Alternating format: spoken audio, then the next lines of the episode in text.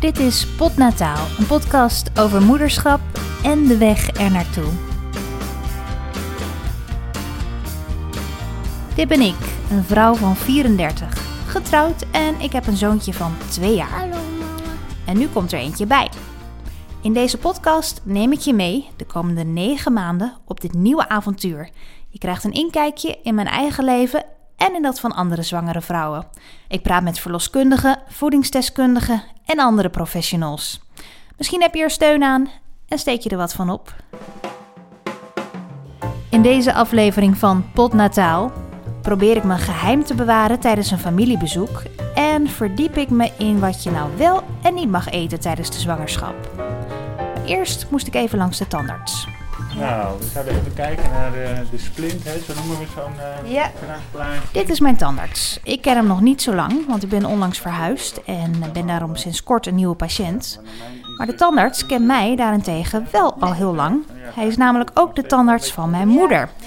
En die houdt hem altijd perfect op de hoogte van ons wel en wee. Zo wist onze tandarts bij mijn eerste zwangerschap als een van de eerste dat ik in verwachting was. Mijn moeder had toen wel moeite, geloof ik, met het voor zich houden. Hè?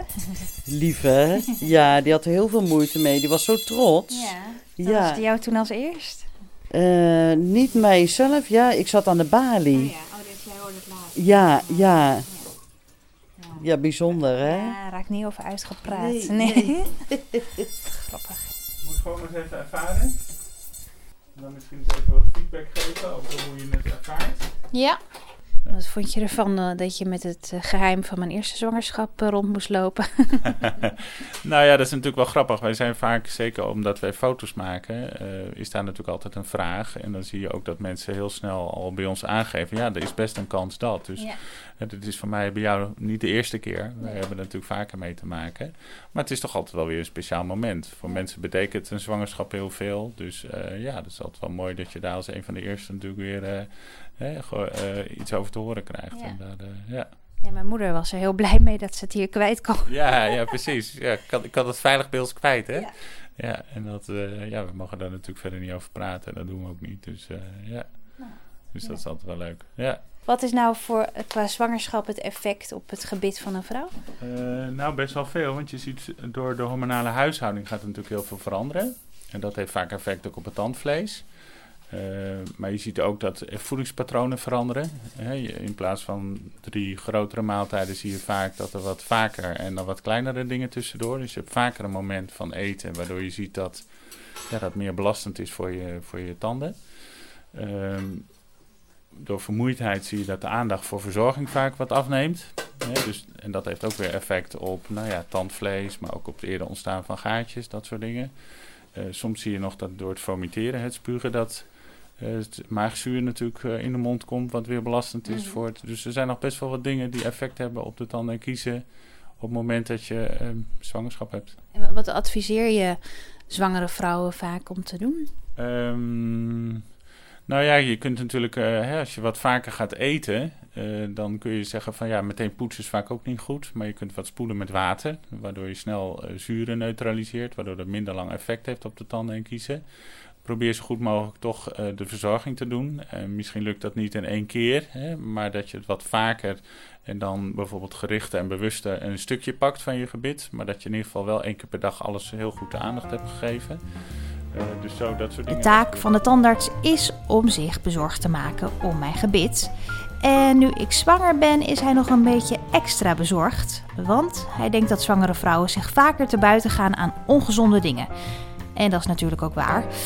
Al moet ik zeggen dat het tot nu toe bij mij nog wel meevalt. Ik ben gestopt met koffie drinken. Niet omdat het niet meer mag, maar omdat het opeens ja, naar slootwater smaakt voor mijn gevoel.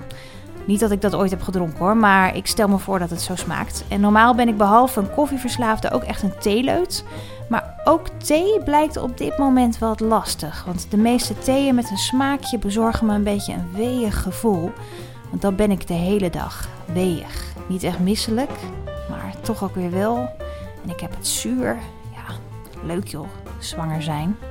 Hoe dan ook, omdat ik zwanger ben, besloot ik maar weer eens te kijken wat je nou wel en niet mag eten tijdens de zwangerschap. Ongeveer wist ik het nog wel, maar voor de zekerheid liep ik het lijstje toch nog maar eventjes door. En wat je dan doet, is je gaat naar het voedingscentrum En daar hebben ze een hele lijst. En daar staat bijvoorbeeld op dat je geen rauw vlees mag eten, geen tartaar, geen carpaccio, geen rauwe gedroogde of gefermenteerde vleeswaren, geen filet américain, geen ossenworst, geen theeworst, Geen rauwe eieren uiteraard en producten met rauwe eieren zoals tiramisu, geen rauwe melk, geen alcohol, de en dan ook nog een hele lijst met vis, geen sushi met rauwe vis, geen vette vis, geen haring. Wacht eventjes. Geen haring en geen makreel. Heel vreemd, want ik zweer je, bij mijn vorige zwangerschap werd juist aangeraden om deze vissen te eten. Omdat het gewoon heel goed is, die, die vetten die daarin zitten, in specifiek makreel en in haring. En als ik me goed herinner, at ik dus ook met regelmaat een haringje of een makreel op brood. Gewoon gezonde vetten, goed voor de ontwikkeling van de hersentjes van de baby. Maar nu mag dat dus niet meer. Uh, u spreekt misschien nog voedingscentrum. Ja, goedemiddag. U spreekt met eh, Simone Wijnands. Hallo. Ehm, Hallo. Ik, ik bel nog even voor Patricia Schutte. Als je iets wil weten van het voedingscentrum, dan kom je sinds jaar en dag uit bij Patricia Schutte. Zij is woordvoerder van het voedingscentrum. Ik zal even kijken of ik u kan doorverbinden. Moment, alsjeblieft. Ja hoor. Goeiedag, Patricia Schutte. Ja, goeiedag. U spreekt met eh, Simone Wijnands. Hallo.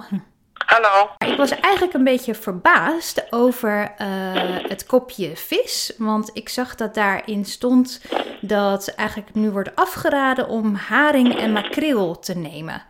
En toen vroeg ik me af eh, waarom dat is. Ja, dat eh, heeft te maken met het, risico op listeria van die producten. En in de vetten, vetten kunnen zich, zeg maar, schadelijke stoffen ophopen. Vandaar dat het advies gegeven wordt om vette vissoorten, zeker eh ehm, de zoetwaardevissen, niet, eh, niet te eten.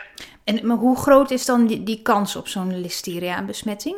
Op listeria, nou dat geldt in sowieso eh, voor niet alleen voor de vissen, maar of voor verse producten vooral, die eh, je in de koelkast bewaart en van dierlijke oorsprong.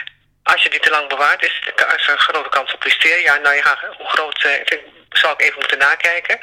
Maar het is natuurlijk wel zo dat eh, het, eh, de gevolgen van het eh, hebben van listeria voor een aanstaande moeder groot zijn. Dus met vandaar ook uit voorzorg het, eh, ja, hanteren we hele strenge principes, eh, de adviezen moet ik zeggen. Omdat je daarmee alle risico's eh, zoveel mogelijk eh, weghaalt. En het is ook, vooral ook omdat het voor een korte tijd is. Maar die afweging die wordt wel hier gemaakt door eh, en de Gezondheidsraad, die eh, vele onderzoeken naast elkaar en onze eh, eh, eh, experts op het gebied van voedselveiligheid. De conclusie is dus: zwangere vrouwen kunnen beter geen makreel of haring eten vanwege de eventuele kans op een listeria-besmetting. En dat advies is gebaseerd op de Gezondheidsraad. Omdat me het toch niet helemaal lekker zat, besloot ik daar maar eens een eh, belletje aan te wagen. Want hoe kan het nou dat ik tijdens mijn hele vorige zwangerschap wel gewoon kon eten en nu niet meer? Met Schoten Gezondstraat, goedemiddag. Persvoorlichter Eert Schoten is daar de man die lastige vragen van journalisten mag beantwoorden. dus Nou, vandaar... daar kan ik wel iets over zeggen, kort. Eh, Ja. Dat we algemene aanbevelingen hebben gedaan voor wat gezond eten is. Mhm. Eh, in de richtlijn Goede Voeding van 2015. Waarbij we de algemene bevolking eh, bedoelen. Ja, daar hoort ook consumptie van vis bij, vette vis. Dat klopt. Wat betreft voeding tijdens de zwangerschap, daarvan moet ik zeggen dat we op dit moment eh, bezig zijn, of eigenlijk net begonnen, met een afzonderlijk advies. Eh, wel een advies in twee etappes, ook op verzoek van eh, de minister van VWS en eh, de minister van Landbouw en Natuur en Voedselkwaliteit. Namelijk, hoe zit het nou met al die aanbevelingen voor de vroegste levensfase? De Ja. eerste duizend dagen wordt het wel eens genoemd. Nou, waarschijnlijk gaan we dat in twee etappes doen. Eén is een eh, advies over de zwangerschap. Dus wat moet je eten en wat is wetenschappelijk onderbouwd daarbij eh, tijdens de zwangerschap. Ja, En dat is dus eigenlijk eh, het deel waarop uw vraag betrekking heeft. En Ja. het tweede deel, dat komt daarna over wat is gezonde voeding voor de allerkleinste. Dus eh, niet de algemene bevolking, maar de kleintjes van 0 tot 2 jaar. ja, oké. Inbegrepen, inbegrepen eh, de periode waarin eh, sommige baby's borstvoeding krijgen. Nou, dat is lopend eh, advies. Een lopend advies. Eh, dus die commissie, er is een aparte commissie voor geïnstalleerd. eh, die gaat ermee aan de slag. Dus het kan nog wel even duren voordat we daar uitspraken over kunnen doen. Ja, oké. maar dus eigenlijk, ehm, als ik u goed begrijp, is het op dit moment nog niet zo dat onomstotelijk vaststaat volgens uh, een advies of een rapport van jullie, dat je dat beter niet kan eten tijdens de zwangerschap? Nee, nee, het zal ongetwijfeld een thema zijn uh, dat door die commissie uh, bekeken wordt. Zoals er een heleboel andere onderwerpen zijn natuurlijk. Hè, want het wordt breed bekeken van wat is nou goede voeding mm in die vroegste levensfase. Mm -hmm. Nou, de gezondheid gaat nu eens uh, heel grondig bekijken wat nou wetenschappelijk verdedigbaar is. Ja, best gek dat dat er... Daar zijn we mee bezig. Ja. En dat gaat nog wel een tijdje duren. die kwestie van vis zal ongetwijfeld ook langskomen. Nou goed, ik ben wel iets wijzer geworden, maar hoe groot het gevaar van makreel en haring is, dat weten we nu eigenlijk nog steeds niet. Mijn eigenwijze gevoel zegt me nog steeds dat de gezondheidsvoordelen van het eten van deze vissen opwegen tegen de eventuele risico's. Maar goed, voorlopig laat ik het toch maar even links liggen, want ik ben van nature gewoon een braaf persoon. Die eigenlijk zelden of nooit iets doet wat niet mag, dus nou ja, dit dus ook niet. Maar goed, ik kom hier later nog even op terug. Ondertussen gingen we ook nog op familiebezoek. En als je je in de prille fase van je zwangerschap bevindt, dan zijn dat altijd tricky dingen. Eh, neemt hij zo wel het geluid goed op of is het te lawaaierig in de auto? Volgens mij wel, volgens mij kan het wel. We zitten in de auto, zijn onderweg. Waar gaan we naartoe? We gaan naar. Uh, ja, een vrachtwagen. Ja. We gaan naar mijn ouders toe. Want we hebben een, we hebben een uh, eindejaars, of nee, nieuwjaarsborrel. Het is eind, eind januari, maar dat maakt niet uit. ja, dus dat is wel gek, want zij weten nog niet dat ik zwanger ben. Nee, en dat gaan we ook nog niet vertellen. Nee. Dus dat wordt nog een uitdaging. Ja, ja want dat betekent dus dat jij heel veel dingen niet mag eten. Uh, en we weten natuurlijk niet wat mijn moeder klaar heeft gemaakt. Dus het zou zomaar kunnen dat, dat mijn moeder bijvoorbeeld een carpaccio heeft gemaakt. Nou, dat mag je er niet hebben. Sushi gaat niet gebeuren, denk ik. maar je mag ook niet een wijntje drinken. Dus we hebben als excuus nu bedacht dat we een, een alcoholvrije maand hebben. As if. Maar goed. dus, dat hebben we, dus dat hebben we, als, dat hebben we nu bedacht. Dus ik drink dan ook geen wijntje. En, uh, en dan maar hopen dat het niet allemaal uh, rauwe granalen en, uh, en, rood vlees wordt. ja, dat kan natuurlijk ook nog. Of gerookte zalm of zo, ja, zoiets. Ja, dat mag allemaal niet. Nee. Dus maar het wel loslopen. Maar wat voor soort excuus moeten we dan verzinnen? Of denk je dat ik het op jouw bord kan schuiven zonder dat ze het zien? Nee, dat kan niet. Dat gaan we niet redden. Ik weet het niet. Ehm, dan, ehm, ja, dan moet je maar zeggen dat je niet veel trek hebt of zo.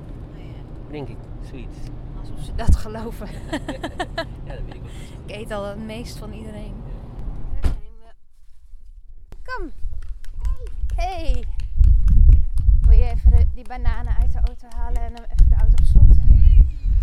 Hier hoor je mij worstelen met het uit de auto halen van ons kind en alle spullen die mee moesten. Luc was namelijk heel snel uit de auto gesprint omdat hij zo nodig moest plassen. Wie is hier nu de zwangere vrouw, denk je dan? Hallo. Ja, Luc was ineens verdwenen. Ja. Nou, ik ga ook even plassen.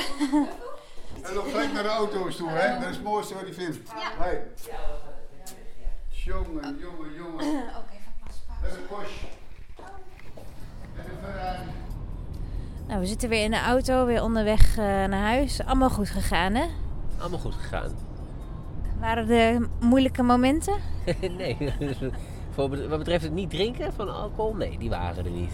En voor de rest volgens mij ook niet heel erg. Wat heb je gezegd dan? Oh, dat is een alcoholvrije maand, dry January. En uh, dat die begon op de helft van januari. dus dat klopte niet helemaal. Dat is een beetje ongeloofwaardig. Ja, misschien. Maar, uh, maar ik denk ook niet dat als je uh, niks. Kijk, wij, wij zijn daar natuurlijk mee bezig. Dus dan valt alles op voor jezelf. Maar als je daar niet mee bezig bent, dan, valt denk, dan val, vallen dat soort dingen denk ik niet op. Want dan zit dat niet in top of mind bij mensen. Dat, uh, dat je wel zwanger. Dat jij wel eens zwanger zou zijn, zit niet in top of mind bij andere mensen. Dus dan denk ik denk niet dat dat heel snel opvalt. Zou kunnen. Ik moet wel zeggen, toen we, je moeder had stoofvlees gemaakt. En de, toen in, dat had, heb ik opgeschept. En toen heb ik het toch niet opgegeten. Wat heel ondankbaar overkwam natuurlijk. Maar omdat ik dacht, misschien heeft ze het wel gestoofd in rode wijn. Ja, ik weet niet of dat... Mag dat niet? Nee, maar ja, ja, op zich verdampt het, maar v- uit voorzorg eh, wordt ook geadviseerd om het niet te eten. Oké, nou ja. Ja, nou ja, dan, eh, ik heb het opgegeten nu, dus... eh, ik, en, zelfs ik... Nee, maar je hebt niet de verwachtingen. Nee, maar jij zei tegen mij dat ik had een beetje veel, jij nog wat van mij. En ik trapte daar, ik was het zelf ook vergeten. Dus, dus eh, ik denk niet dat, dat, dat dat iemand is opgevallen. En die kazen, ik wist niet eh, die, eh, die op tafel stonden. Ik heb daar ook niks van genomen, omdat ik niet zeker wist of daar rauwmelkse kaas tussen zou zitten. Ja, ik denk dat die brandnetelkaas sowieso niet rauwmelks. Dus, eh, maar ja, zeker voor het onzekere. Nou goed, eh, overleefd, dus zonder het geheim te verklappen. En nu eh, huiswaarts. Ik ga even een tukje doen, denk ik. Want ik ben toch, eh, merk ik, eh, wel iets vermoeider dan eh, normaal. En normaal ben ik al vrij vermoeid, dus eh, dat wil wel wat zeggen. Volgende keer in Potnataal Wil je nog iets zeggen? Piek er niet over. krijg ik eindelijk een bevredigend antwoord op mijn haring-makreel-vraag. Ga ik naar de verloskundige en vertel ik mijn schoonouders over mijn zwangerschap. Oh ja, en mocht je het de vorige keer nog niet gedaan hebben, check dan nog eventjes de app van Ouders van Nu. Daarin kun je precies volgen hoe groot je kleine spruit inmiddels is. Voor meer informatie over deze en andere podcasts, check even de site van Dag en Nacht Media, dagennacht.nl.